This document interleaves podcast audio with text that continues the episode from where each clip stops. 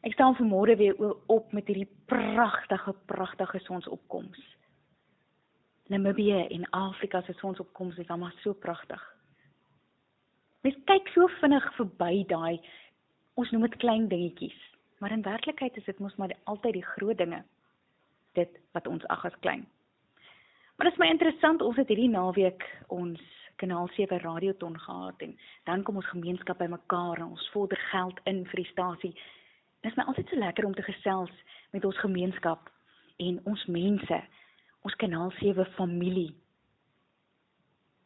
Maar elke dag of elke naweek is dit vir my baie interessant om te merk hoeveel ure ons kan sit en saam kuier en heeltyd iets hê om oor te gesels.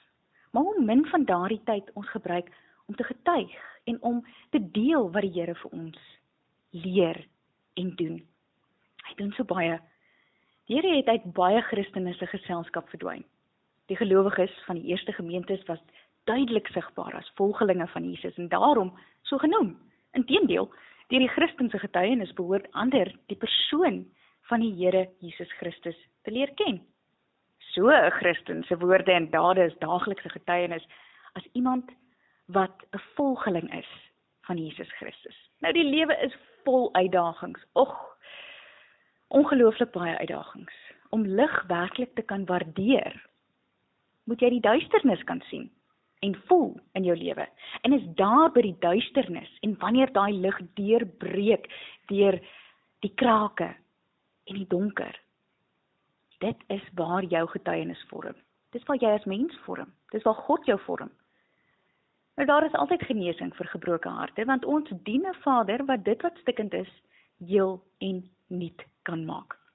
Die mooiste ding op aarde is om op te staan as jy geval het. Selfs al bly dinge om jou donker, lê die skoonheid daarin om jou pyn en hartseer te oorwin.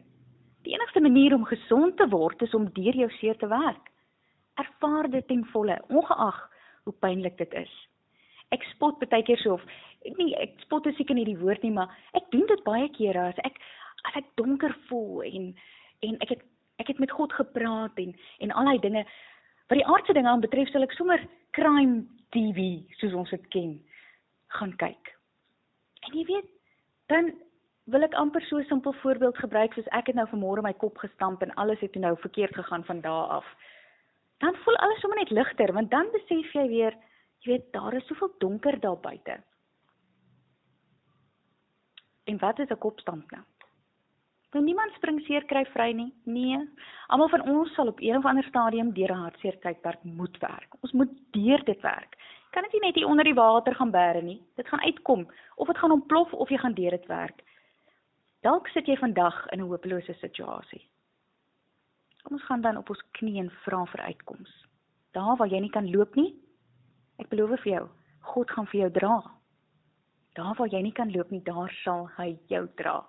Nou wat is jou getuienis vandag? As jy nou daar sit en dink, kan iemand deur na jou te kyk verstaan wat die woord Christen beteken? sien mense God in jou? Ek dink altyd so daaraan dat dat jou kristendom of jou geloof moet soos parfuum wees. Mense moet jou kan ruik van ver af. Hulle moet die lig kan sien in jou. Op ons reis agter die Here aan, is dit belangrik om die evangelie te verkondig. Ons deel dit graag met mekaar in per geleentheid met ongelowige mense rondom ons. Dit is ook duidelik dat ons so moet leef. Ons moet dit bedien aan alle mense, selfs hulle wat nie glo nie. Praat daaroor en ek sê altyd, God is die pottebakker. Jy is die klei. Hy vorm jou en hy maak jou net soos wat hy wil. En moenie gaan dink man, ek het nou nie hier vet sertifikate teen die muur. Waar kan ek tog nou gaan getuig en en praat van God se liefde. Natuurlik kan jy. Jou getuienis is vir God belangrik. Jou lewe is sy voorbeeld. Mag jy en ek in Christus so leef dat sy liefde deur jou gestalte vind.